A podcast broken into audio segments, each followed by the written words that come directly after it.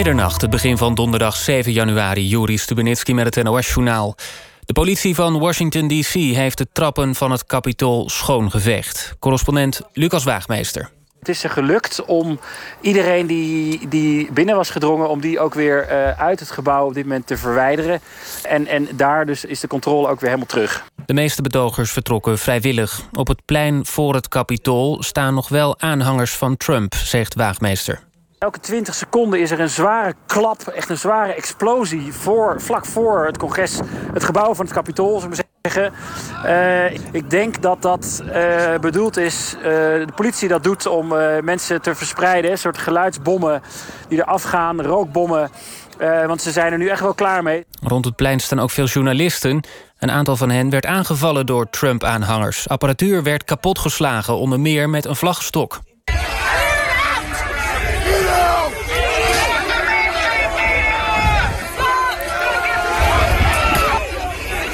Intussen is er een grote politiemacht aanwezig rond het Capitool. Op beelden is te zien dat zwaar bewapende agenten langzaam oprukken. Er geldt vanaf nu ook een avondklok in de Amerikaanse hoofdstad. De bestorming was rond 8 uur s avonds Nederlandse tijd. In het gebouw was toen het congres bijeen om vast te stellen dat Joe Biden de winnaar van de presidentsverkiezingen is. De zitting werd geschorst toen betogers door hekken braken en een raam van een deur kapot sloegen. Politici werden geëvacueerd of hielden zich schuil in hun kantoor. Kort daarop verschenen beelden van betogers die door de plenaire zaal van de Senaat liepen of achter het bureau zaten van de machtigste democraat Nancy Pelosi. Een paar uur na de bestorming verscheen de gekozen president Biden op tv. Hij sprak van een ongekende aanval op de democratie en riep president Trump op zijn aanhangers terug te trekken. What we're seeing are a small number of extremists dedicated to lawlessness. This is not dissent. It's disorder. It's chaos. It borders on sedition. And it must end now. Kort daarna plaatste Trump een video op Twitter waarin hij de betogers vroeg naar huis te gaan. Hij herhaalde ook dat de verkiezingen frauduleus zijn verlopen, ook al is daar geen bewijs voor. Bij de onrust is volgens NBC een dode gevallen, een vrouw. Ze werd op het terrein van het Capitool in haar borst geschoten. Meerdere agenten raakten gewond bij de bestorming. Van buiten Amerika reageren wereldleiders op de chaos in Washington. Premier Rutte roept president Trump op de overwinning van Joe Biden vandaag nog te erkennen. Rutte spreekt op Twitter van afgrijzelijke beelden uit de Amerikaanse hoofdstad. NAVO-chef Jens Stoltenberg gaf een soortgelijke reactie... en de Britse premier Johnson spreekt van een schandelijke vertoning. Niet alleen in Washington D.C., ook in andere staten... zijn aanhangers van Trump bijeengekomen om te demonstreren. Bijvoorbeeld in Oregon, Atlanta en Denver. Daar staan ze ook bij de gebouwen van het Capitool. Tot besluit het weer. In het westen regen, in het oosten natte sneeuw bij ongeveer 2 graden. Morgen ook regenachtig met in Limburg nog kans op wat sneeuw. In de middag droger, maar met buien. Het wordt morgen 1 tot 4 graden. Dit was het NOS Journaal. Oh ja, en we gaan uh, meteen door. We gaan nog een half uurtje door met het, uh, met het oog op morgen. U bent gewend dat Nooit meer slapen begint. Maar gezien de gebeurtenissen in Washington praten we hier nog even door in de studio. Marca Valente is hier en ook Koen Peters. ja, ja, we hebben zojuist gehoord dat die mevrouw is, is, is overleden... die in de bos geschoten is. Dat maakt het toch weer anders, hè? Ja, dat is ongelooflijk treurig dat, dat, dat dat gebeurt. Um, dat, uh, ja, dat, uh, dat, dat, dat, dat is gewoon niet hoe het, hoe het hoort. Um, op het moment dat je ervoor kiest om in dit soort demonstraties mee te gaan lopen... kies je er wel voor een bepaald risico aan te gaan. En zoals die mevrouw die u eerder in de uitzending had... Ja. ook zei dat zij er bewust voor heeft gekozen... in overleg met de man om niet te gaan. Dat is een keuze die mensen ook hadden, hadden kunnen maken.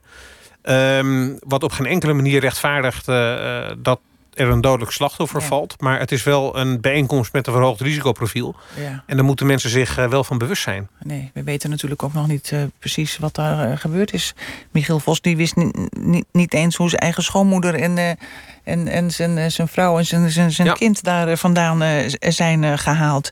Het, het blijft chaotisch. We gaan het zo meteen dus ook even vragen... hoe dat met die, met die avondklok gaat. Marca Valente... Ja, hoe, uh, de, de, avondklok gaat daar nu in. Hè? Dus de avond gaat daar vallen. Uh, hoe gaan mensen daar morgen wakker worden hè, in Amerika?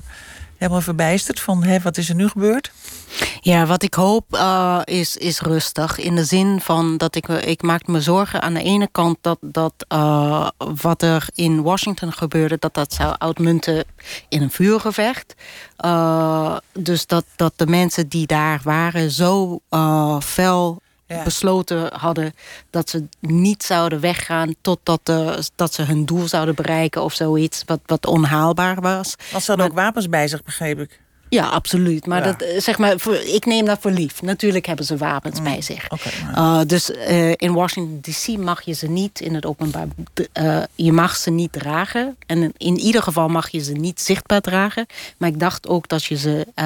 een van de journalisten had verteld. Ja, hè? Die zei dat, dat mensen wapens bij zich hadden. Ja, maar dat is altijd zo en dit zijn, dan dit is er nog relatief weinig uh, gebruik van gemaakt, denk ik, als ik dat zo ja, Ja, want en het, het mag absoluut niet.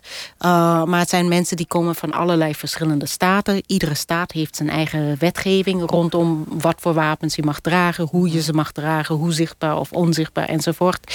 Uh, dus we weten dat mensen van overal komen, dus ze zullen ook hun wapens bij zich hebben. Ik maakte me al zorgen dat juist in dit soort gespannen situaties... dat er geweld zou zijn, dat er iemand zou, uh, gedood zou worden. Dat is ook gebeurd. Mhm.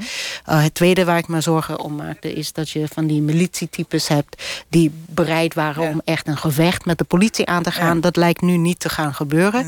En het derde is dat het zich zou verspreiden buiten Washington D.C. Dus we horen dat dat gebeurt, maar het lijkt om heel kleine soort uh, gevallen te gaan. Geen burgeroorlog waardoor, nog. Nee, waardoor het niet landelijk wordt. Ja. Want dat had het kunnen worden. Michiel Vos, uh, jij bent nog in, uh, in Washington. Hoe is het met je schoonmoeder? Ja. Ik heb net met mijn vrouw Nancy Pelosi, ja. Dat ze, ja. ja. Ja, die... Uh, nee, ik heb net met mijn vrouw gebeld en die zei dat ze veilig waren. Dat het heel oh. vreemd was toen ze werden weggehaald. Maar dat ze op een niet nader te noemen locatie zijn. Maar dat ze vanavond weer terugkomen naar het kapitool. Dus wat, wat, wat betekent dat, denk je? Nou, dat betekent dat ze willen laten merken dat ze zich niet laten wegdrijven door een meute, een menigte, maar dat ze terugkomen en dat ze. Ik weet niet of ze die, of ze die zitting kunnen her, hervatten, maar ze gaan wel symbolisch, denk ik, terug naar het, naar het kapitool zelf om te laten zien: luister, we zijn geïnterrumpeerd, om heel keurig te zeggen, we zijn onderbroken, ja. maar we zijn nu weer terug. We moeten afmaken waar we aan begonnen zijn vandaag, namelijk het vaststellen van de kiesmannen. Ja, maar denk jij dat dat uh, nog weer hervat wordt of uh, blijven ze daar slapen? Ja, dat, ik, ik weet het niet. Dat moet ik heel eerlijk zeggen. Ik weet het niet. Ik reed net door een leeg of een leeglopend Washington terug. Iedereen lijkt zich te verspreiden en naar huis te gaan. Of naar huis, weet ik niet. Er zijn geen rellen, voor zover ik kan zien, voor zover ik kan horen. Er zijn heel veel helikopters. Er is enorm veel politie, militaire politie. Het is een soort vesting geworden. En het kapitool is een hele vesting. Dus ik weet niet of er nog uh, weet je wel, gedeputeerden, uh, members van het parlement weer teruggaan naar het gebouw. Misschien laten ze het gebouw. En, en, en zal er iemand iets zeggen vanaf de vloer om te laten zien, we zijn weer terug. Dit kan niet. Maar het is wel gebeurd. Het is al gebeurd natuurlijk. Ja. Maar denk jij dat iedereen teruggaat vanavond? Ja, ik durf het niet te zeggen. Dat weet ik echt niet. Het lullige is bij dit soort dingen, als je buiten staat, weet je eigenlijk niks. Omdat je geen CNN kijkt. En ik zat er middenin. Ik zag alles gebeuren, maar je weet niks. Je kijkt alleen maar naar mannen met militaire petten. Met Trump, MAGA 2020, stappen stiel. En uh, Chuck Schumer moet gehangen worden. Dat is het enige wat je om je heen ziet. Je, je, je hebt helemaal niet het idee van het grotere verhaal. En dat ben ik als journalist niet zo gewend. Nee. Normaal zit je gewoon keurig CNN te kijken en dan weet je alles. Ja, uh, nou goed, we weten in ieder geval wel dat die mevrouw is overleden.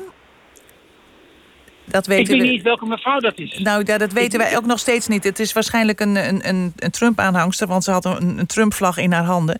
Maar je weet het natuurlijk nooit helemaal zeker. Misschien dat Lucas Waagmeester ondertussen meer daarover weet. Lucas? Ja, ik vind sowieso dat je als journalist altijd meer weet als je bent waar het gebeurt. Maar dat is, dat is even een heel ander punt. Uh, dan, als, dan wanneer je CNN zit te kijken. Maar ik, uh, ja, die mevrouw, dat, dat is inderdaad vermoedelijk een, een betoger, een demonstrant. zij, op de beelden van haar zie je dat er een uh, grote Trump-vlag naast haar ligt.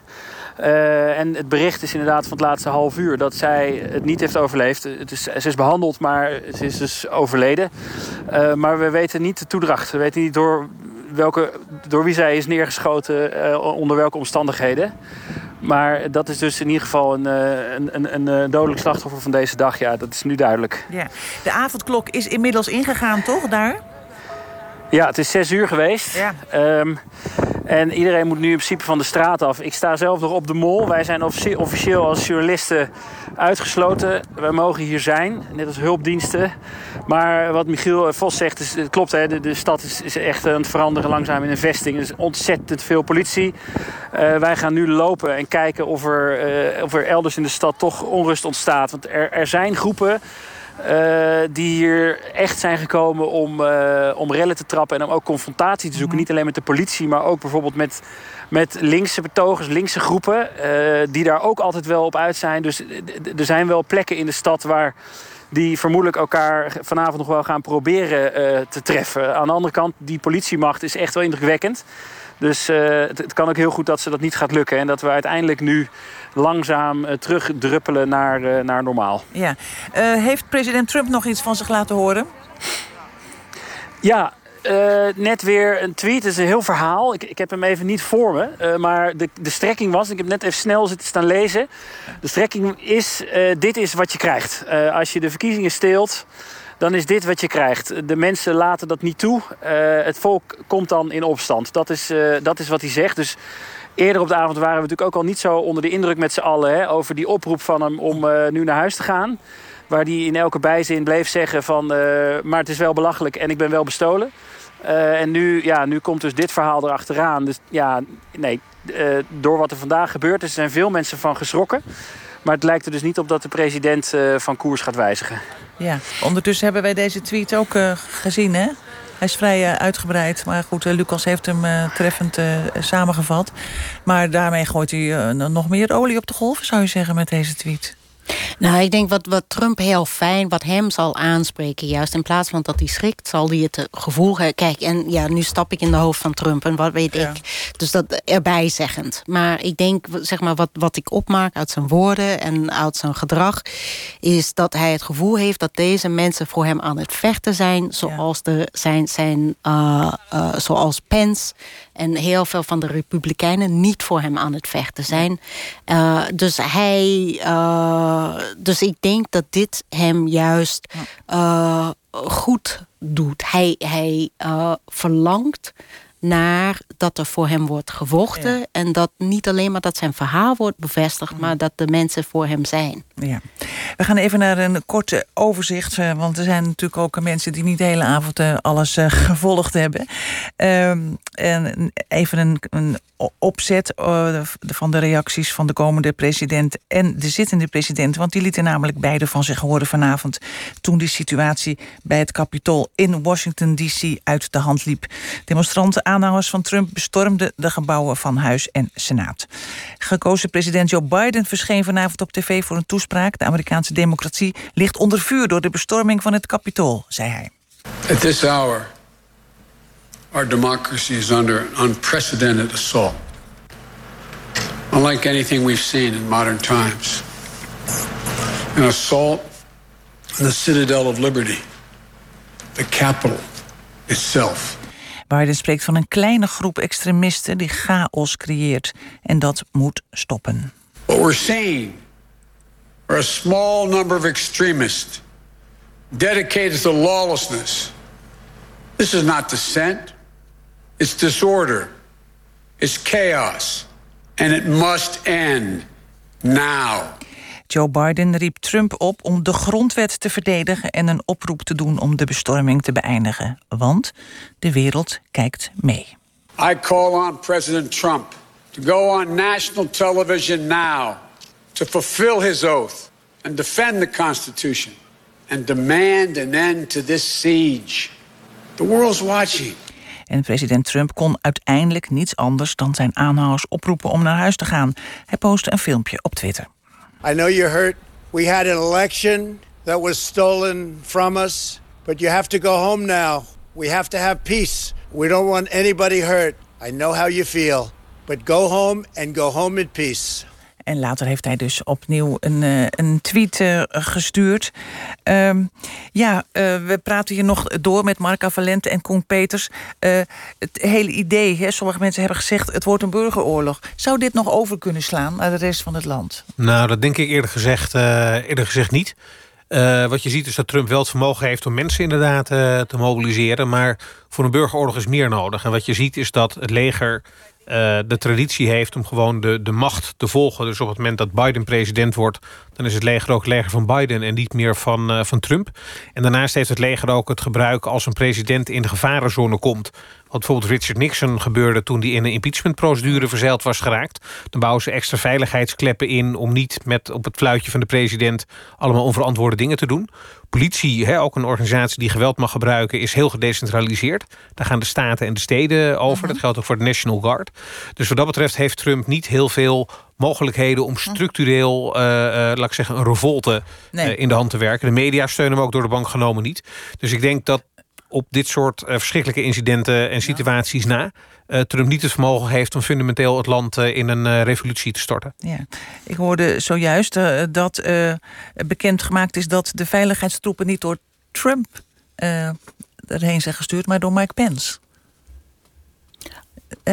Ik weet niet waar dat bericht vandaan komt. New York, New York Times meldt dat. Pence heeft de veiligheid. Zegt dat. Nou ja, dat zou heel, uh, heel bijzonder zijn, want de president is de commander-in-chief. Uh -huh. De opperbevelhebber van de troepen en de vicepresident is niks. Totdat de president doodgaat en dan is hij opeens van eigenlijk een soort uh, uh, aanhangsel in de wachtkamer uh, de grote baas. -huh. Dus het zou mij zeer verbazen als dit het geval is. En als dat het geval is, en de troepen hebben er ook op gereageerd, dan geeft het misschien toch wel aan dat het leger in zo'n situatie al is dat ze veiligheidskleppen hebben ingebouwd... om besluiten van de president niet meteen uit te voeren... en ook andere manieren van aansturing te accepteren. Uh, maar ik kijk er heel erg van op. Dus ik maar, ben erg benieuwd naar de details. Maar als, als dat zo is, hoe moet dat dan straks met die overdracht? He? Vraag je af. Ja, ja nou wat het leger betreft is, is ik had al uh, ja? een aantal dagen terug had ik iets gezien langskomen van dat uh, in, in uh, interne discussies dat Trump ook had geopperd van kan het leger niet worden ingezet en dat hem heel duidelijk werd gemaakt van nee het leger kan niet worden ingezet. dus hij in, in zijn zoeken naar wat de mogelijkheden zijn om alsnog president te blijven was hij bereid ook die richting mm -hmm. te kijken.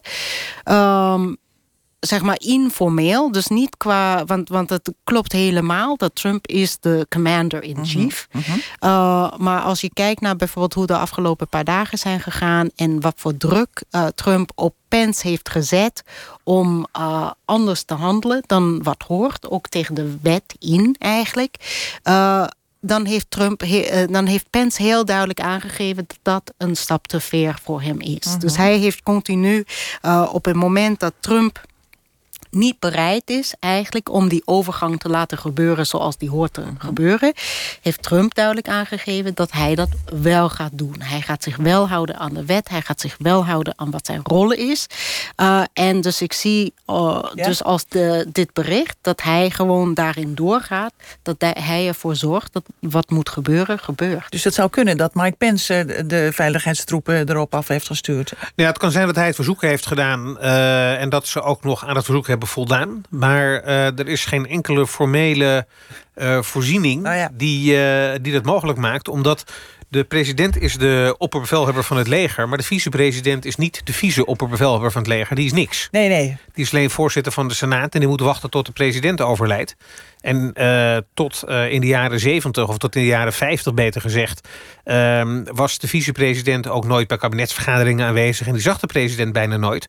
Omdat hij alleen maar wachtte tot het overlijden van de president. Meer had hij niet te doen. Oh. Dus er wordt hier een rol gepakt die uh, niet bestaat. Als het klopt. Maar die misschien door omstandigheden wel in, uh, in de hand is gewerkt. Maar nogmaals, het zou me zeer verbazen. En het zou ook een historic first volgens mij uh, zijn. Want de vicepresident heeft geen enkele bevoegdheid om dit te doen. Ja. ja, ik zou heel graag willen weten hoe dat besluit is gekomen. Ja. Dus dat is er, er gebeurt zoveel op dit moment, wat, wat ongewoon is. Uh, en um, waarbij aan de ene kant het systeem probeert om zich te handhaven, om ervoor te zorgen dat de orde uh, gehandhavend blijft. Maar om dat te gaan doen, moet het allerlei regels breken. En dat ja. is het gekke van het moment. Ja. Ik uh, ga even naar Thijs Klein Paste? Goedemiddag. Ja, goedemiddag. Ja, ja. hallo. Ja, Thijs, begin, begin van de ja, avond. Ja, dus, precies. Ja. Ja, goed, oh, dat is vandaag allemaal anders. We spraken je een uur of twee geleden ook. Hè? Uh, jij bent op weg naar huis. Is dat vanwege die avondklok? Hij woont in, ik zal even zeggen, Thijs uh, was speechschrijver in Nederland. Hij woont sinds enige jaren in de Verenigde Staten. En hij, hij staat bij het Capitool. Ja. Ja, ik was eerder bij het Capitool. Ik ben nu inderdaad bijna thuis, okay. omdat de avondklok is ingegaan. Ja. Ja. En? En, uh, hoe, hoe uh, ja. Is alles rustig om je heen? Het was een gekke dag, ja, dat begrijp ik. Om mij heen is alles rustig. Ja, ja dat is altijd. Um, als dat vrienden en familie ook mijn berichtjes sturen op van die dagen, dan hebben ze altijd iets van: oh, doe je, ben je veilig? Maar ja, ik woon natuurlijk gewoon ergens in een wijk en ja, daar is niets aan de hand. Daar kan het ook gewoon een rustige dag zijn als je uit het raam kijkt. Ja, maar waarom was je daar naartoe gegaan? Ja. Um, ik was er naartoe gegaan omdat ik natuurlijk uh, ook alle, bezorg, alle zorgelijke beelden op het nieuws zag. En dacht, um, ik moet erbij ja, zijn. Ik moet toch daar gaan kijken wat er aan de hand is. Ja, waar ja. geschiedenis geschreven wordt. Want dat kunnen we toch wel zeggen, hè? Dat er vandaag geschiedenis is geschreven. Ik denk dat we het hier nog wel netjes over hebben, ja. ja. Hoe, hoe zou jij omschrijven wat je daar vanmiddag hebt meegemaakt? Het is altijd moeilijk om zeg maar, vanaf de grond op zo'n plaats goed in te schatten wat er nou gebeurt. Ik Ja. was vlakbij het Vos Daar waren ja. veel mensen en daar was ook wel veel opwinding onder de mensen. En tegelijkertijd een beetje zo'n gevoel van een impasse. Want het was al na het moment dat mensen ook het Capitool waren binnengedrongen. Eh, maar ja, dan gebeurt dat. En dan ontstaat er een soort impasse tussen de aanwezige politie en eh, die, die, ja, die opstandelingen. Ik weet even de juiste term niet goed te vinden. Ehm, en ja, dan gebeurt er op zo'n moment eigenlijk niet zoveel anders dan heel veel geschreeuw en heel veel gescandeer. Maar Ja. iedereen staat daar maar een beetje. Ja, maar goed, je bent er wel bij geweest. Hou jij je hart vast voor wat er nog meer gaat gebeuren de komende twee weken tot die inauguratie? Of- denk je, nou, de boel is wel weer, eh, ja, bekoeld. Ja, ik, ik denk niet dat ik me aan een voorspelling durf te wagen. Als, als er iets. eh, ja, als, als er iets waar is over het Trump-tijdperk, is dat alles eh, op losse schroeven is komen te staan en niets voorspelbaar meer is geweest. En dat de medeplichtigheid van de Republikeinen aan dit soort drama's eh, werkelijk onvoorstelbaar is. En van een enorme schaamteloosheid. Dus ik weet niet zo goed wat nog te verwachten. Nee. Ja, eh, dankjewel eh, Thijs. En nog even terug hier aan tafel.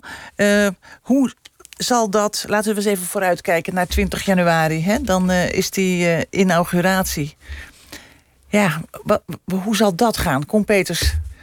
Ehm, ja, nee, het wordt eh, sowieso een eh, bijzondere dag... omdat door de coronamaatregelen heel veel dingen... die normaal met heel veel hoepla en grote menigte worden georganiseerd... nu eh, niet doorgaan of digitaal. Dus wat dat betreft is de kleinschaligheid denk ik wel veel beter te managen en te beheersen...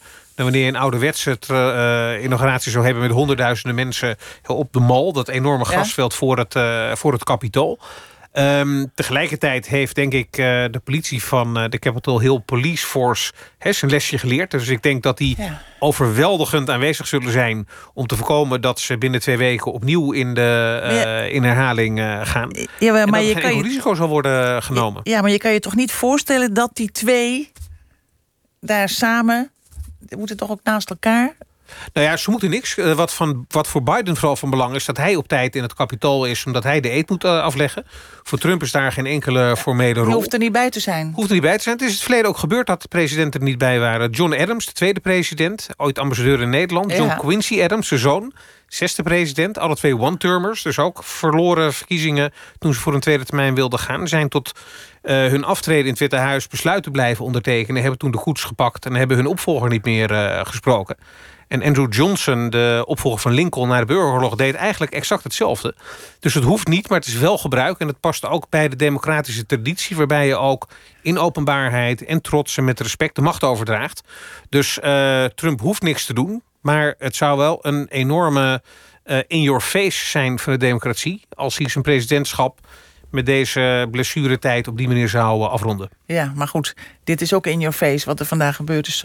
Dat is het zeker. En eh, daar zal, eh, wat ook net werd gezegd, nog lang over, Ja. over worden nagesproken. Omdat het ook veel facetten kent. Hè?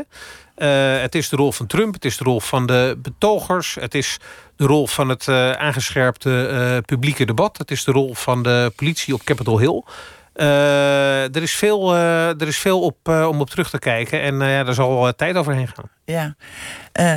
Marka, Trump, wat denk je? Gaat hij op komende dagen de twintigste? Hoe, hoe zie jij dus het voor je? Ik denk, oké, mijn inschatting is... ja, je hebt uh, zeg maar 75% kans dat hij niet komt opdagen. 75? Ja, ik zou zeggen 75. Ja. Uh, en dan 25% kans dat hij wel komt opdagen. Dus uh, ja, ik geef er wel een kans. Maar ik denk veel groter dat dat, dat niet gebeurt. Um, ik, ik denk, wat, wat, kijk, op dit moment is er zoveel wat, wat onduidelijk is. Het is een heel rommelig, chaotisch moment waar, waar iedereen van is geschrokken. Republikeinen zijn geschrokken.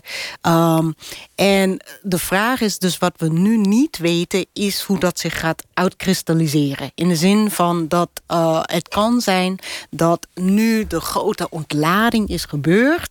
Uh, en dat daardoor eigenlijk alles net wat rustiger, net wat minder uh, gepolariseerd en opgehitst wordt.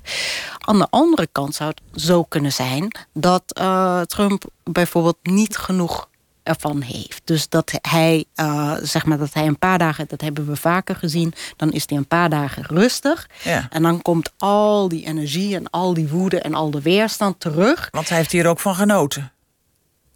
Ja, ik weet niet of. Ja, ik zou het niet uh, genieten noemen. Ik denk dat hij hier. Hij had hier uh, uh, heel soort viscerale behoefte aan. Hij had heel erg behoefte aan dat er een soort mm. zichtbaar mm. bereidheid was om tot het uiterste voor hem te vechten. Ja. En het kan zijn, dus eh, wat, wat, wat je dan niet weet, is: heeft hij die behoefte weer, bijvoorbeeld 20 januari? Wil hij eigenlijk dat mensen ook 20 januari aan het protesteren zijn? Wil hij eigenlijk dat dat ook op 1 februari gebeurt. Uh, want hij heeft heel duidelijk aangegeven, hij en zijn zoon, dat zij helemaal van plan zijn om door te gaan, om uh, vorm te geven aan de Republikeinen, om druk uit te oefenen, ook om wraak te nemen op Republikeinen die niet genoeg gedaan hebben. Uh, wat gaat hij dan doen? Dus dat kan zijn dat dat zijn volgend project wordt. Nou ja, dat je dus op 20 januari dus weer een pandemonium krijgt in Washington. Dat zou kunnen. Ja, ik sluit het bijna uit. Kijk, wat je, wat je wel ziet is dat de uh, autoriteiten in Washington... met die inauguraties enorme ervaring hebben opgebouwd. En dan zie je dus dat de Capitol Hill Police... dat de politie van Washington DC, het leger... allerlei andere groepen worden ingezet. En er zijn ook nogal wat controversiële inauguraties geweest. Die van Trump uh, stuitte op ongelooflijk veel verzet en, en protest. Maar dat gold ook voor George W. Bush... die in 2000, hè, na interventie van het Hoge Rechtshof... de verkiezingen won. Maar zelfs terug naar 1968... toen op het hoogtepunt van de Vietnamoorlog... Richard Nixon de stenen naar zijn auto gegooid zag worden... terwijl die van het Capitol naar het Witte Huis reed... net na zijn inauguratie. Dus er is wel een enorme ingespeeldheid... om met zo'n hoge risicosituatie met heel veel mensen... wat nu minder zal zijn door de mhm. coronacrisis... de orde te bewaken. Dus ik denk dat daar ook alles uit de kassen worden getrokken... en dat ze helemaal na vandaag op scherp uh, staan. Ja. Uh, maar een fraaie vertoning zal het uh, niet worden. Want in een democratie je het liefst... Hè, met alle partijgezinten door elkaar het feest van de democratie... met over vier jaar weer een nieuwe ronde met nieuwe kansen. Ja, ja en dat zal nu in een, in een soort ja, fort Washington zich afspelen. En dat is natuurlijk geen mooi gezicht. Nee. En als Trump toch opkomt dagen... wat jij waarschijnlijk ook niet verwacht Marca denkt 25 procent? Ja, ik denk, ook, ik denk ook zoiets. De kans is klein dat hij, het, dat hij het zal doen. Ik denk ook dat de waarschijnlijkheid na vandaag niet heel veel groter zal zijn. Omdat hij dan toch het idee heeft dat hij naar zijn achterban toe... ook een stuk legitimiteit geeft aan, de, uh, aan het presidentschap van Biden. Precies waar die gezamenlijke aanwezigheid bij zijn inauguratie ook voor is bedoeld. Uh, en daarmee ondermijnt hij wel weer de glans van de democratie... die in Amerika toch ruim twee eeuwen lang behoorlijk goed heeft gefunctioneerd. Ja, maar misschien geeft hij wel niet zoveel om de democratie. Hè? Dat zou kunnen, dat, uh, dat zal nog verder moeten blijken. Maar vandaag was geen schoonheidsprijs. Nee, we, we gaan er nu. Uh, we gaan eerst maar eens uh, de wonden likken. En morgen eens even rustig terugkijken. En nog heel veel later waarschijnlijk. Want dat het een historische dag was, dat, dat kunnen we toch wel vaststellen. Hè? Ja, absoluut. Ja. absoluut.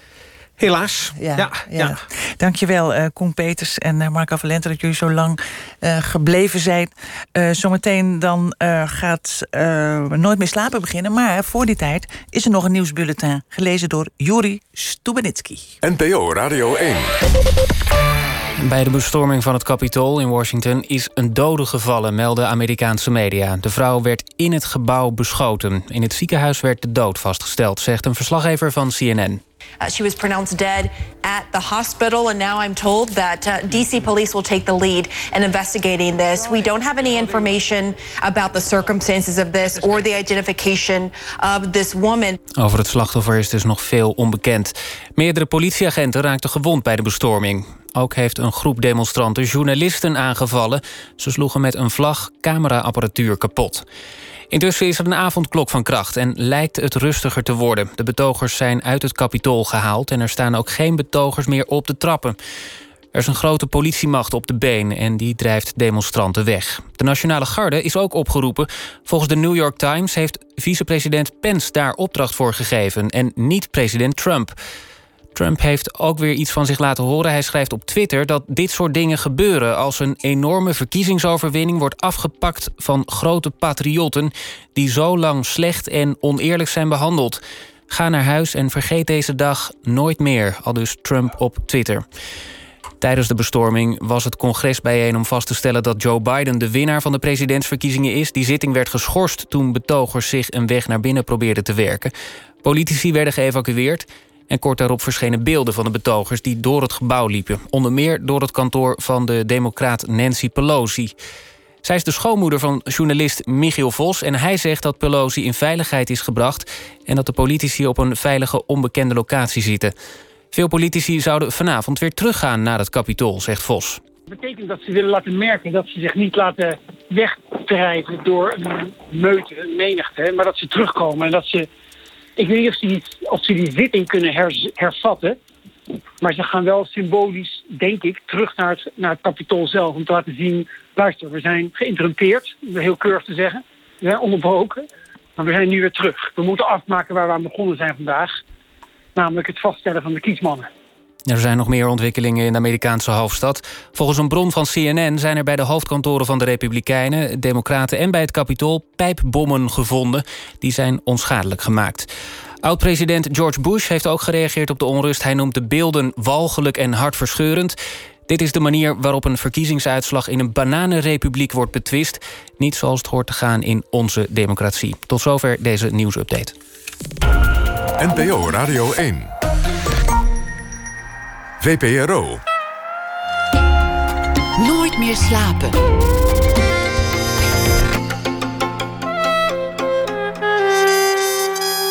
Met Pieter van der Wielen.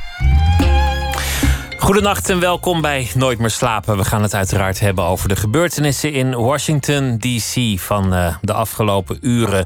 Een menigte bestormde al daar het kapitool. Het kapitool is inmiddels schoongeruimd, herwonnen door de politie. Maar het is uh, in de stad nog alleszins onrustig. Hoe zal het verder gaan? Tegenover mij zit Paul Verhagen. Hij is data-analyst bij de Hague Center for Strategic Studies, waar hij zich bezighoudt onder meer met Amerikaanse politiek en geopolitiek. En hij is schrijver van uh, boeken over Amerika, onder meer het Amerikaanse presidentschap, het machtigste ambt ter wereld. Een deskundige dus op het gebied van Amerikaanse politiek en Amerikaanse verkiezingen. Paul, welkom. Leuk dat je gekomen bent. Bedankt voor de uitnodiging. Goedenavond.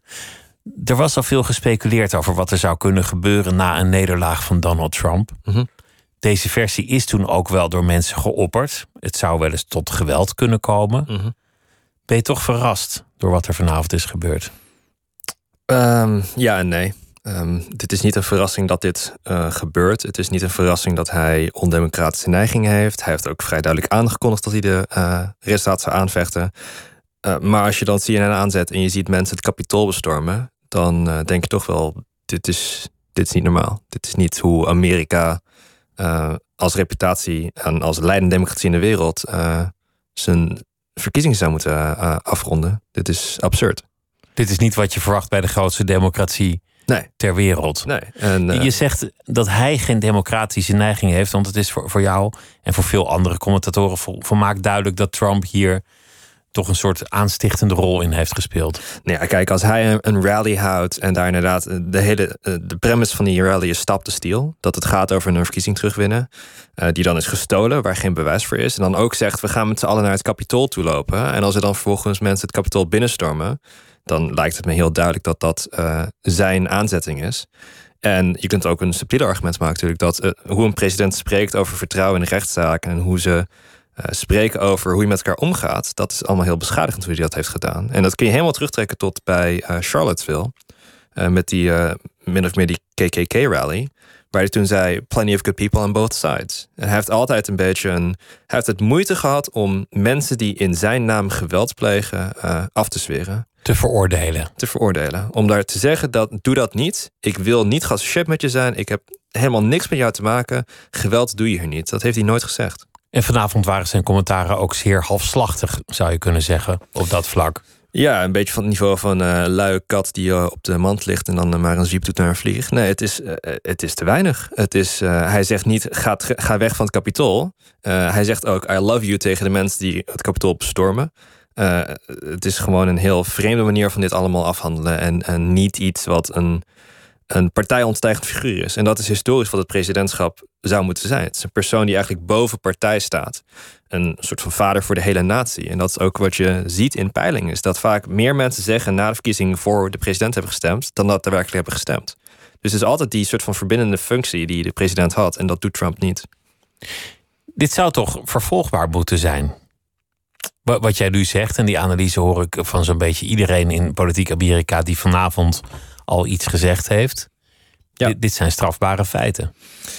Ja, nou de vraag is natuurlijk van in hoeverre is een president uh, vervolgbaar. Dat hangt juridisch zit dat heel moeilijk in elkaar. Maar waar nu heel veel over wordt gesproken is het 25e amendement van de grondwet. En um, daar zitten een aantal dingen in.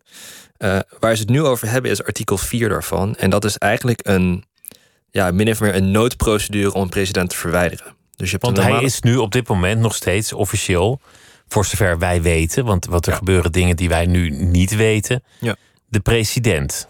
Voor zover wij weten is hij de president. En de reden dat we op deze manier over spreken is omdat uh, de New York Times, zoals net besproken ook, um, aangeeft dat het Mike Pence was, de vicepresident, die de Nationale Garde van Washington DC heeft ingezet om het kapitool uh, te ontruimen.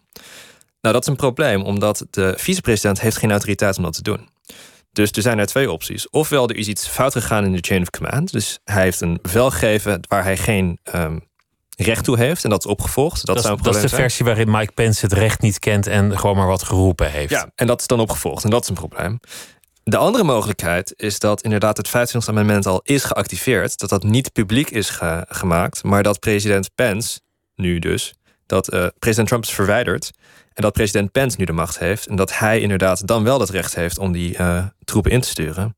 Hoe werkt dat, dat 25e amendement? Onder, onder wat voor omstandigheden kan door wie de president per onmiddellijk weg worden gestuurd? Dat kan op twee verschillende manieren. Dat kan ofwel door het congres, en dat moet binnen een 48 uh, uur periode gebeuren. Maar de snellere optie is om het via het kabinet te doen. En het kabinet moet eigenlijk gewoon stemmen van wij willen de president niet meer. En dan wordt de vicepresident de president. En dan zou hij dus door zijn eigen kabinet vanavond ergens achter de schermen zijn weggestuurd. Ja, en dat kan heel snel. Daar, daar hoeft geen hele lange procedure aan vast te zitten. En de reden dat dat zo snel kan, is omdat dit een, een nationale veiligheids soort van stelling was. En dit had te maken met de Koude Oorlog, waar een, een scenario waar je niet een president zou hebben voor een half uur, is in een scenario van de Koude Oorlog is te lang. Dus dat is de reden dat dit gewoon eigenlijk à la minuut kan. Uh, en dat hoeft ook niet per se duidelijk worden gemaakt. Dus het is, de vraag is nu: oké, Pence heeft de Nationale Garde erin gestuurd. Dat mocht hij niet doen. Wat is er gebeurd? Dit is eigenlijk speculatief. Meer weten we niet. We weten alleen dat het bevel aan de Nationale Garde van Mike Pence kwam. Dat is opmerkelijk. Dit is ook volgens de New York Times. Dus het kan ook nog zo zijn dat de New York Times ernaast zit. Ze waren wel heel stellig. Ja. Dan is er nog iets anders aan de hand. Uh, net op deze zender zei Michiel Vos dat zijn schoonmoeder Nancy Pelosi, mhm. die, die een heel belangrijke rol speelt uh, als het gaat om het vervangen van de president, heeft gezegd dat ze vanavond nog terug zullen gaan naar het congres om daar weer bij elkaar te komen. Ja. Dat ze zich niet laten wegsturen, dus ze wachten tot het veilig verklaard is en dan zal er waarschijnlijk een soort bijeenkomst toch weer ja. zijn. Ja, nou, dit is natuurlijk een poging om te laten zien dat uh, wij niet zwichten voor een, een meute aan mensen. Uh, het dat kan ook, het kan ook meer zijn. Het kan ook zijn dat daar een, een soort van maatregel in werking zal treden of, of wordt, wordt uitgeroepen. Dat zou kunnen. Ik denk dat nu de, de first order of business of de eerste prioriteit is inderdaad om die certificering af te maken. Ehm, dat is namelijk zo dat dat moet gebeuren voor 20 januari. Uh, omdat je anders tegen problemen aankomt, dan zou je tegen een president Pelosi aan kunnen komen. Maar er zijn nu inderdaad ook al artikelen van impeachment uh, opgenoemd. Dus er zijn. Het is niet duidelijk wat ze nu gaan doen. Het is duidelijk dat ze hierop moeten reageren. Uh, er wordt ook al gefluisterd dat uh, de heer uh, of senator Cruz nu ook zijn objecties gaat intrekken tegen de certificering. maar wat precies nu de volgende stap wordt, dat is niet duidelijk. Het eerste is inderdaad die certificering. Dat moet gebeuren, omdat je anders niet een officiële um, president-elect Biden hebt. En ik denk dat het hele congres, zowel de Senaat als het Huis, nu heel graag een president Biden wil hebben en niet meer met Trump door één deur moet. En ik denk dat ze zich ook absoluut niet willen laten verwijten dat ze zijn gezwicht voor welke vorm van terreur dan ook. Nee. Dus, dus ze zullen die procedure laten doorgaan. Nee, precies. Daar kun je en, van uitgaan. En het feit dat je terreur noemt, dat is heel accuraat. Omdat de mensen die hier nu mee bezig zijn, dat zijn niet. Ik zou het niet normale Amerikanen noemen. Dit zijn mensen die in uh, de, de Proud Boys zitten. Dit zijn uh, right-wing militia's. Dit zijn mensen die gewoon gebaat zijn bij onrustzaaien. Dit zijn mensen die erop uit zijn om geweld te gebruiken en ook inderdaad het land te verdelen. Uh, dit zijn. Kijk, er is een heel argument om te hebben over of alle Trump-stemmers racistisch zijn of niet. Dat is niet zo. En je moet het niet over één kam heen scheren. Dit is zo'n beetje de meest uh, harde, meest eigenlijk verloren segment van, van de populatie. Die gewoon niet bereid is om voor wat voor reden ook hun positie te veranderen. En dat, is, dat zien we nu in de, in de hoofdstad. En dat is beschadigend en heel treurig. De laatste jaren zag je dat eigenlijk al een beetje gebeuren. Dat het zich niet langer beperkte tot het internet en het sturen van boze tweets of, of het volkalken van fora met uh, allerlei racistische of, of opruiende taal. Mm -hmm. Maar dat die, die groeperingen ook werkelijk bereid waren om de straat op te gaan. Ja. En ook steeds meer, en dat was de laatste maanden al op een aantal plekken, gewapend de straat op te gaan. Die radicalisering heeft zich in een rap tempo voltrokken. Ja, dat, uh, dat zijn een aantal ontwikkelingen achter elkaar door. Allereerst hebben we een, een hele lange termijn polarisering van het politieke landschap. Dat komt eigenlijk van het eind van de Koude Oorlog achter, uh, af. En dat was eigenlijk sinds de val van de Berlijnse muur zijn Amerikanen um, gestopt met zich zorgen maken over de Sovjet-Unie. En zijn begonnen met zich zorgen te maken over de andere kant van het politieke spectrum. Dus de gemeenschappelijke vijand was weg en toen gingen ze elkaar haten. Ja, min of, min of meer. Um, andere Um, ontwikkelingen zijn bijvoorbeeld sociale media. Die hebben ervoor gezorgd dat mensen hun eigen politieke nieuwsbronnen krijgen en geen gedeeld narratief meer hebben. In de jaren zestig had je bijvoorbeeld hele prominente nieuwslezers, uh, Cronkites, dat soort types, die wel een soort van gedeelde boodschap weggaven. En er komt nog eens bovenop dat onder uh, met name toen Obama president werd, dat uh, er een hele nare onderstroming aan racistisch sentiment is ontstaan. En dat toen ook een enorme toename is geweest in rechtse militia's. Die inderdaad gewoon expliciet uit waren op het creëren van een rassenoorlog. Nou, toen president Trump werd verkozen, kun je argumenteren dat dat een reactie was ook op de eerste zwarte president. Maar hij deed ook helemaal niks om die retoriek af te kappen. Hij deed ook niks om zich te uh, afstand te nemen van die retoriek. En heeft heel weinig gedaan ook om te proberen dat die verbindingsfactor weer te vinden. En dat zien we nu uh, in ja, de logische manifestatievorm in uh, DC nu. Dit, dit zou. Het ziet er natuurlijk heel massaal uit. Als je, als je het zo ziet, al die mensen bij elkaar op die trappen en, en die stormen mm -hmm. op dat gebouw af. En het, het, lijkt er ook op dat de mensen die dat gebouw moesten beveiligen overvallen waren. Ja. Op, wat, wat daar gebeurd is, dat zal nog wel een keer duidelijk worden. Dat wil niet zeggen dat het ook een, een heel grote groep is in relatieve aantallen van, van de bevolking. Nee. Het kan nog steeds een kleine marginale groep zijn. Nee, en, en dit is ook iets heel karakteriserend voor het Amerikaanse politieke landschap. Het is een hele kleine meerderheid met hele extreme posities. En vaak ook heel zwaar gewapend, die heel veel van de aandacht trekken. En dat is heel jammer, want uh, het, zoals net gezegd, uh, er zijn zo'n 70 miljoen mensen die op uh, Trump hebben gestemd. En dat zijn Amerikanen. En hun Dat zijn niet allemaal deze mensen. Dat Nee, zijn dat niet zijn niet allemaal allemaal deze mensen. Dat zijn dat niet- zijn niet allemaal mensen die met een machinegeweer op het congres Nee, aflopen. En dat zijn ook niet mensen die denken dat alle democraten de as van het kwaad zijn. Dat zijn, dat zijn Amerikanen en hun problemen die ze hebben in hun leven, dat zijn legitieme problemen en daar moeten oplossingen voor, voor worden gevonden. Het zijn deze mensen, de Proud Boys, eh, de right-wing militia's, de super extreme mensen die het eigenlijk verzieken voor alle mensen die gewoon voor legitieme redenen op Trump hebben gestemd. Eh, en dit is niet een doorsnee Amerikaans eh, fenomeen. Dit is, dit is echt de meest extreme vorm die je kunt vinden van de Trump-achterban. Het zijn QAnon-types, het zijn militia's, het zijn hardcore racisten. Het zijn mensen die gewoon uit zijn op geweld. Trump heeft wel altijd gecommuniceerd met deze groepen. Hij zei nog in een van de debatten met Joe Biden: Proud Boys, stand back en stand by. Ja. Dat, dat was duidelijk een moment dat hij zich tot hen verhield op, op een amicale manier. Ja, zoals gezegd, Trump heeft heel veel moeite met ehm, wat voor steun dan ook eh, afwijzen. Ehm, en dat geldt ook dus inderdaad voor de Proud Boys. De Proud Boys zijn een, ze noemen zichzelf geloof ik een, een chauvinistische ehm, groep. En hun hele ding is eigenlijk gewoon dat ze ja, een soort van rassenoorlogachtige eh, ideologie hebben. Dat ze gewoon willen dat de westerse samenleving als geheel blijft bestaan. En bij Trump gaat het dan in die analyse om het ego. Ze zijn fan van mij, dus zo kwaad kunnen ze niet zijn. Ik denk dat het, ik denk dat het twee dingen zijn. Het is, ze zijn fan van mij, dus het kan niet zo kwaad zijn. En eh, andere mensen zeggen dat ik het niet moet doen. Dus ik ga het vooral doen. Dus het is een soort van interactie van... eh, ik word verteld dat ik het niet moet doen, want het is een slecht idee. Dus ik wil gewoon, you know... Recalcitrant zijn. Ja, Ja. ik wil gewoon recalcitrant Niemand zijn. vertelt mij wat ik moet doen. Precies. Ehm, en het is natuurlijk zo dat de, de subtekst van Trumps campagne ook... ehm, lijkt heel erg op die van Nixon in de jaren 60. En dan moet ik even iets verder duiden. Eh, toen Nixon president werd, toen deed hij een campagne die heel intelligent was, want hij ging om ras, maar hij noemde nooit ras op.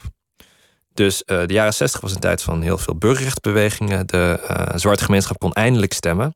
En daar was heel veel wrok tegen in de witte gemeenschap. En wat Nixon toen heel slim deed en heel wrang deed, was hij sprak over de onderwerpen op een manier die eigenlijk over ras gingen, maar hij noemde nooit ras op. Dus had het over dat schoolkwaliteit goed moet blijven. En dat betekende eigenlijk geen zwarte kinderen in mijn scholen. Dat de suburbs wit moesten blijven, of dat ze veilig moesten blijven. En dat betekent geen zwarte mensen in mijn suburbs. Nou, dat is eigenlijk hetzelfde wat Trump deed. Maar Trump heeft dat subtiele nooit gedaan. Trump heeft gewoon gezegd van ja, Nixon zei de silent majority, maar dan bedoelde hij eigenlijk gewoon een, een witte Amerikaan. Ja. Die Hij- niet links was, niet studeerde, die niet progressief was, die voor Vietnam was, et cetera. Hij bedoelde 70% van Amerika die toen wit, blank was. Ehm, Trump probeerde dat iets heel vergelijkbaars. Heel veel van dezelfde retoriek ging ook over de suburbs, ging ook over ja, low quality housing, dat soort zaken. Eh, maar hij had nooit die subtiliteit van Trump. Dus de sub eh, van Nixon. Dus die subtekst van Trump was altijd wel een bepaalde ja, eh, witte wrangheid tegen een veranderend land. Een land wat diverser werd, een land wat steeds minder leek op het land van hun ouders. En dat is, dat is iets waar die Proud Boys natuurlijk ook een bepaalde affiniteit bij hebben. Een terugkeer naar een soort van eh, blanke etnostaat. En nou ja, dat gaat logisch met elkaar op, eh, op één hoop. Dat, dat is dus eigenlijk zijn dit de demonen ergens in de onderstroom van Amerika die al decennia Ja. daar zijn. Ja, eigenlijk hebben we het hier al over sinds de jaren 60. En als je het nog verder wilt terugtrekken, hebben we het hier eigenlijk al over sinds de verkiezing van Rutherford B. Hayes. Dat is uit mijn hoofd 1876. Ja, ik weet niet precies wat dat Zo, ja, die zit nog goed. Ehm, want dat was de meest controversiële verkiezing ooit. Dat was een aantal jaar na de burgeroorlog. En toen was het voor drie maanden lang niet duidelijk wie de president was. En uiteindelijk is daar een compromis gesloten. En het compromis wat werd gesloten toen was dat de eh, Republikeinen de president mochten kiezen. Toen waren de Republikeinen de soort van anti-slavernijpartij, de partij van Lincoln. En in ruil daarvan moesten de Republikeinen alle troepen die in het zuiden van het land waren neergezet om de burgerrechten van de zwarte gemeenschap van de voormalige slaaf te bewaken, moesten worden teruggetrokken. En toen is dus ook die hele Jim Crow-era ontstaan. Dat hele eigenlijk autoritaire regime in het zuiden, puur racistisch, is toen blijven hangen. En dat is het einde van een fase die we Reconstruction noemen. En Reconstruction was de fase na het eind van de eh, burgeroorlog, waarin eigenlijk dat land weer moest worden opgebouwd. Nu wel met dat ideaal van alle mensen zijn gelijk. Nu wel met het ideaal van zwarte mensen zijn ook mensen. Dat was vroeger niet het geval. Toen is dat gestopt en eigenlijk alle ontwikkelingen daarna, dus tot en met Martin Luther King, daar kun je gewoon een rechte lijn doorheen trekken. Dat gaat allemaal over de onderdrukking van de zwarte gemeenschap, met name in het zuiden. Dat zijn die onderstromen Die, die nog steeds actief zijn. Je, je zei de meeste Trump-stemmers zijn niet dat. Dat zijn gewoon mensen die, die zijn gevallen voor zijn agenda van het terugbrengen van, van industrie bijvoorbeeld. Mhm. Van, van het, het kleiner maken van uh, de invloed van China op de Amerikaanse economie. En natuurlijk ook de, de christelijke ethische agenda. Dat zijn ook veel van zijn stemmers. Dan blijft wel liggen dat de Republikeinen zich de laatste jaren soms gewillig, soms minder gewillig hebben laten gijzelen door Donald Trump. Die partij is, is te lang, te ver met, met Trump meegegaan. Ja, en dat zien we nu ook. En dit is een beetje het dilemma wat, wat Republikeinen hebben. Um, omdat je eigenlijk. Uh, zijn bijzonder slecht in het winnen van het presidentschap. Met name als ze de popular vote moeten winnen. Als je namelijk teruggaat, uh, Bush deed dat niet in 2000. Hij deed het wel in 2004. Maar sinds toen heeft ieder jaar een democraat de popular vote gewonnen sinds het jaar 2000. Maar goed, dat is het spel niet. Het spel is dat je, dat je wint volgens het kiesmannenstelsel. Dat klopt, dat is zeker waar. Maar wat het wel aangeeft is dat Republikeinen gewoon moeite hebben met verkiezingen winnen. En dat het lastig voor hen is om een coalitie te vormen die dusdanig sterk is om inderdaad dus het Witte Huis te winnen. Uh, Trump is binnen die groep mensen het meest succesvol geweest. Dus een soort van de winnende strategie in een boek vol met verliezende strategieën. Dus je, dus je had Mitt Romney en, en god weet wie. En dan eindelijk heb je Trump die het wel lukt. Nou, Trump wist een aantal mensen uh, te krijgen, stemmers naar de stembus te krijgen, die normaal niet kon opdagen. Dus hij heeft wel een heel. Ja, hij geeft energie aan een bepaald segment van de populatie, die zich normaal niet uh, ge, aangetrokken voelt tot politiek. En het probleem is dat die achterban is uh, eigenlijk een soort van cult van persoonlijkheid geworden rond Trump. En die is veel loyaler tegen Trump dan tegen de Republikeinse Partij zelf. Dus Trump is misschien wel groter geworden dan de Republikeinse Partij. Ja. En wat je ziet is dat een aantal ambitieuze Republikeinse senatoren, Ted Cruz en dergelijke, proberen om die mantel van dat Trumpisme over te nemen. Die zien ook, oké, Trump die is oud. Uh, Trump die gaat misschien nog wel voor 2024, maar wie weet. En die proberen een soort van aan te tonen aan de cultleider hoe loyaal ze wel niet zijn geweest. En dat zagen we vandaag. Trump, uh, Cruz was degene die inderdaad zei van... ik ga een objectie opwerpen tegen die certificering van het. En ze proberen allemaal een soort van die... ik ben de ultieme Trump-supporter... Uh, probeer ze allemaal vast te pakken. Omdat als je die achterban vastpakt... dan heb je een hele sterke politieke basis. 70 miljoen mensen hebben op Trump gestemd, toch? Dat, dat is een mooie basis om, om binnen te krijgen voor elke ja. republikein. Dan... Met het risico dat je meegaat in zijn val. Ja, en de vraag is natuurlijk van... wat betekent Trumpisme zonder Trump? Dus zijn die mensen loyaal specifiek aan Trump of zijn ze loyaal aan een bepaald idee, aan een soort van pseudo-Trump? En heel veel mensen zeggen altijd van ja, nee, kijk, als Trump nou een iets minder gemene, iets uh, meer knuffelige persoon was geweest, dan had hij, had hij zo kunnen winnen. Nou, misschien, maar dan was hij ook niet Trump. En het, het feit dat hij Trump is en het feit dat hij ook zoveel progressief op de kast jaagt, dat de media echt een teringhekel aan hem heeft, dat niemand hem mag. Het is een van de beweegredenen voor veel van die mensen om zo van Trump te houden. Zij haten hem, dan zal het toch wel een, een man aan mijn kant zijn, want ik heb ook een hekel aan. Nou ja, vul maar in. Die mm -hmm. Dat is de redenering dan. Ja. ja. En het is natuurlijk iets van, uh, het is iets anders. En veel mensen zijn inderdaad heel gefrustreerd met een politiek systeem waarvan ze denken van, dit werkt niet voor mij. Washington doesn't work for me, it works for Washington. En Trump was de ultieme outsider. Had ook trouwens een enorm effectief president kunnen zijn als hij wat meer discipline had gehad toen hij werd verkozen. Um, het is helaas niet zo gelopen. Trump heeft natuurlijk gouden kansen gezien. Waar de Democraten ze niet zagen. Hij zag gewoon dat dat hele noordoosten van de VS voor het oprapen was. Dat daar een, een, een wisseling van de wacht mogelijk was. Dat de Republikeinen daar konden winnen. Ja. Nu staan Biden om, om dit ernstig verdeelde land bij elkaar te brengen. Dat zei hij vanavond ook in, in, in zijn speech. Hij zei van we moeten bij elkaar komen. En nou ja, hij heeft dat de hele verkiezingen lang gezegd er, er zijn hele grote problemen waar Joe Biden natuurlijk ook geen oplossing voor heeft. Nee. Grote economische problemen bijvoorbeeld. Nee, maar hij is wel natuurlijk gewoon een, een, een carrière politici. Uh, dus hij weet ook wel heel goed hoe hij die systemen moet opereren. En dat was een van de problemen aan Trump. Hij had een ongelooflijk groot uh, politiek kapitaal. En hij wist absoluut niet hoe hij het moest gebruiken. Hij was niet geïnteresseerd in beleidsvormen, hij was niet geïnteresseerd in deals maken. Hij wou gewoon altijd winnen. En dat maakt het heel moeilijk voor hem om dingen inderdaad uh, klaar te spelen. Dus het enige wat hij eigenlijk echt heeft gedaan op beleidsniveau was die belastingverlaging. Maar geen Obamacare die uh, weg werd gestreept. Dus hij had heel veel kunnen doen, heeft hij niet gedaan. Biden heeft heel veel uitdagingen. Biden heeft natuurlijk nog heel veel goedwil van, ik denk ook Republikeinse senatoren. Uh, omdat, nou, wat er vandaag is gebeurd, maar ook omdat hij niet dusdanig bedreigend is voor ze als een superprogressief type, zoals bijvoorbeeld Bernie Sanders. Ideologisch kunnen ze namelijk wel door een deur heen. Uh, en ze weten ook dat Biden ja, een senaat of een swamp creature is, als je het zo wil noemen. Uh, hij weet hoe Washington werkt. En hij weet ook de manier waarop Mitch McConnell graag wil werken. Die gaan best wel ver met elkaar terug. Na de verkiezing vandaag in Georgia heeft hij ook nog meer armslag. Maar dat wil niet zeggen dat hij de oplossing heeft. Nee. Het is niet zo dat hij, dat hij industrie kan terugbrengen naar de Rust Belts van Pennsylvania. Nee. Hoe graag hij ook wil. Nee, dus er zijn uitdagingen. En het is een beetje de, ja, de economische uitdaging en natuurlijk de coronavirus-uitdaging. En ook een assertiever China op de wereldcompetitie. Uh, uh, en dit zijn allemaal problemen waar Trump inderdaad zijn vinger op de zere plek lag. En hij heeft een punt. Uh, zijn oplossingen zijn meestal niet heel constructief of, of nuttig. Um, maar hij heeft ook heel weinig gedaan om daadwerkelijk iets er tegen te doen. In, in het geval van China kun je nog wel een argument maken dat er iets te, te winnen valt. Uh, maar we hebben ook wel gewoon vier jaar verloren als het gaat over dingen als klimaatverandering. Uh, en dat is kostbare tijd die Biden niet moet gaan inhalen. En hij heeft niet per se een hele grote meerderheid. Ja, hij heeft nu een trifecta, zoals ze dat noemen. Hij heeft de Senaat, hij heeft het Huis en hij heeft het Witte Huis. Maar het zijn echt hele dunne meerderheden die hij heeft. Het is 50-50 in de Senaat. En ik geloof dat hij zes zetels voordeel heeft in het Huis.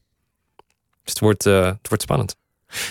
20 januari, dan, dan zal hoe dan ook, als het niet al gebeurd is, als het niet eerder gebeurt, dat is natuurlijk allemaal onzeker, dan zal Trump, of hij nou wil of niet, vertrekken.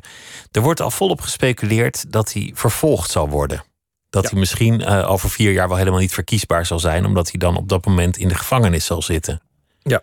Hoe, hoe, hoe kijk jij daar tegenaan? Want, want er zijn iets van zes, zeven potentiële zaken al in gang gezet waar hij een rol in zou kunnen spelen. Zijn een aantal dynamieken die daar inderdaad relevant zijn. Uh, allereerst is Trump best wel oud.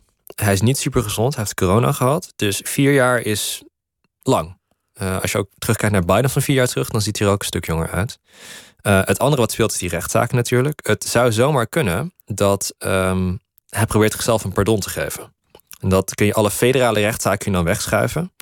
Het is niet helemaal juridisch duidelijk of dat kan, of je jezelf pardon kunt geven. Wat wel duidelijk kan, is dat als Trump even afstapt en Pence voor één dag president wordt en hem een pardon geeft, dat dat wel telt.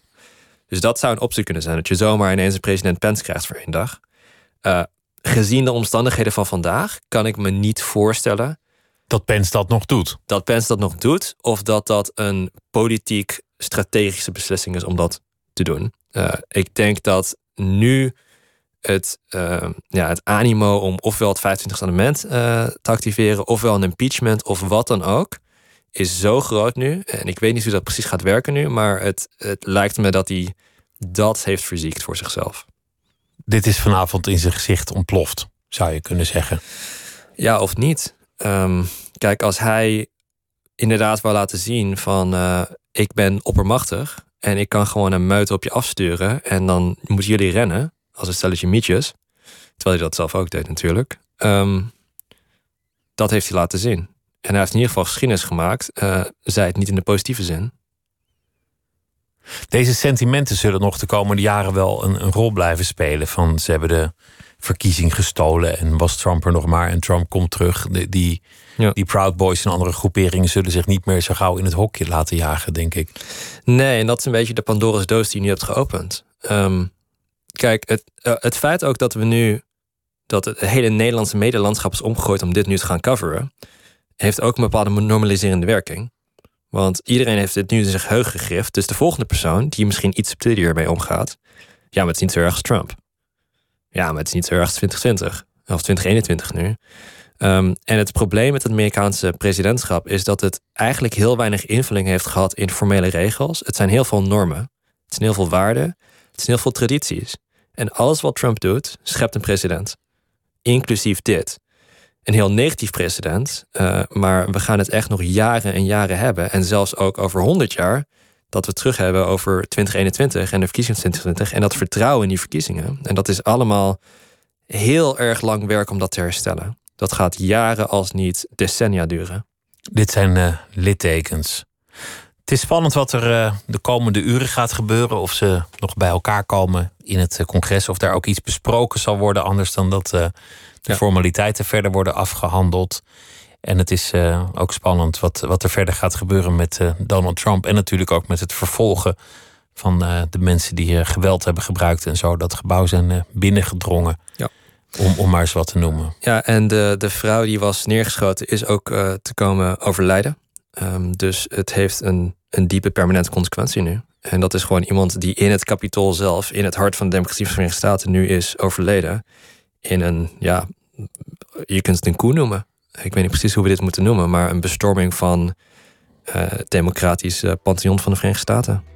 En er zijn ook laptops, laptops ontvreemd van, eh, van senatoren met allemaal gevoelige informatie, terwijl die nog open stonden. Ja. Allemaal uh, strafbare feiten. Dankjewel dat je ons even wilde bijpraten, Paul Verhagen. En uh, deze nacht wordt nog spannend. Zometeen Misha Blok. En die heeft ook een Amerika-deskundige. En dat is Maarten Koolsloot, die een boek heeft geschreven. Trump is niet gek. Dat allemaal straks op NPO Radio 1. Goeienacht.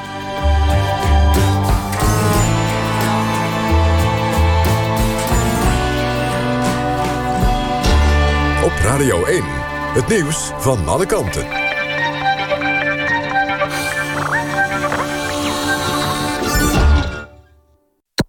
NPO Radio 1.